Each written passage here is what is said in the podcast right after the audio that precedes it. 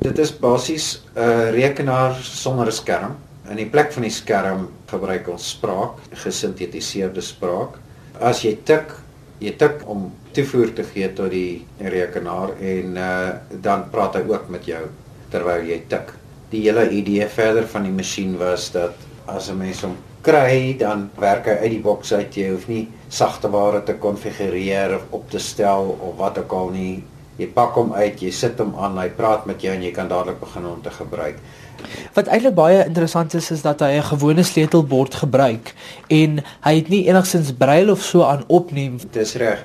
Daar is twee redes hoekom dit 'n gewone sleutelbord is. In die eerste plek baie mense kan tik en ek persoonlik is van mening dat blinde persoon homself die guns moet doen om te leer om te tik op 'n standaard QWERTY keyboard.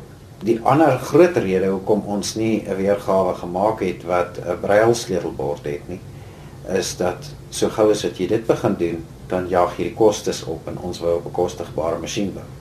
Hoe leer 'n gewone blinde persoon dan tik sonder 'n spesiale sleutelbord? Kyk, eh, net soos wat jy met braille leer, om braille te skryf, jy skryf braille is 'n kombinasie van sleutels wat jy druk.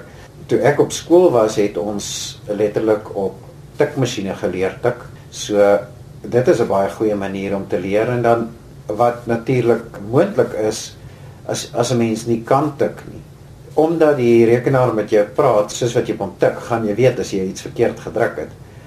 Hoe is hierdie tegnologie ontwikkel? Wat het dit geïnspireer? uh hele klompie jare gelede was hier 'n program of 'n projek aan die gang wat hulle genoem het die National Accessibility Program wat gefokus het om deur middel van inligtingstegnologie die gehalte van lewens van gestremde mense in die land verhoog. En toe het ek 'n voorstel gemaak dat ons 'n nouteiker maak. Daar is soortgelyke goed op die mark maar dit is oorseese produkte dit uh, gebruik net oorseese tale dit gedaas nou wel Engels is maar ons het 11 landstale en 'n groot ding is ek was nou wel 'n uh, blinde programmeerder en ek kon soveel meer met 'n rekenaar doen as baie ander blinde persone wat op 'n gewone rekenaar met 'n skermleser werk so die idee was om die krag van daardie klomp sagte ware te bring na 'n gebruiker wat nou nie so tegnies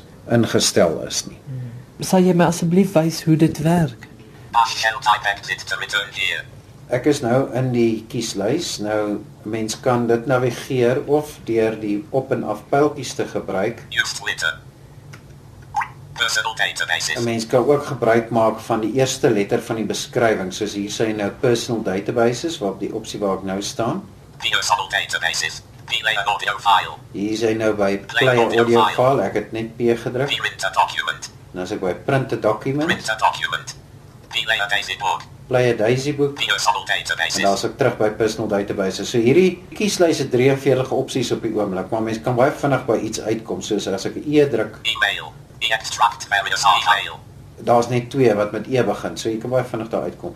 Nou terwyl use calculator ons nou in Afrikaans praat, um, gaan ek net gou-gou een van die eienskappe van hierdie toestel is dat jy kan Wanneer jy binne in 'n program is, kan jy baie vinnig spring na 'n ander taal toe. So ek het nou na Afrikaans toe gespring. 7 ster.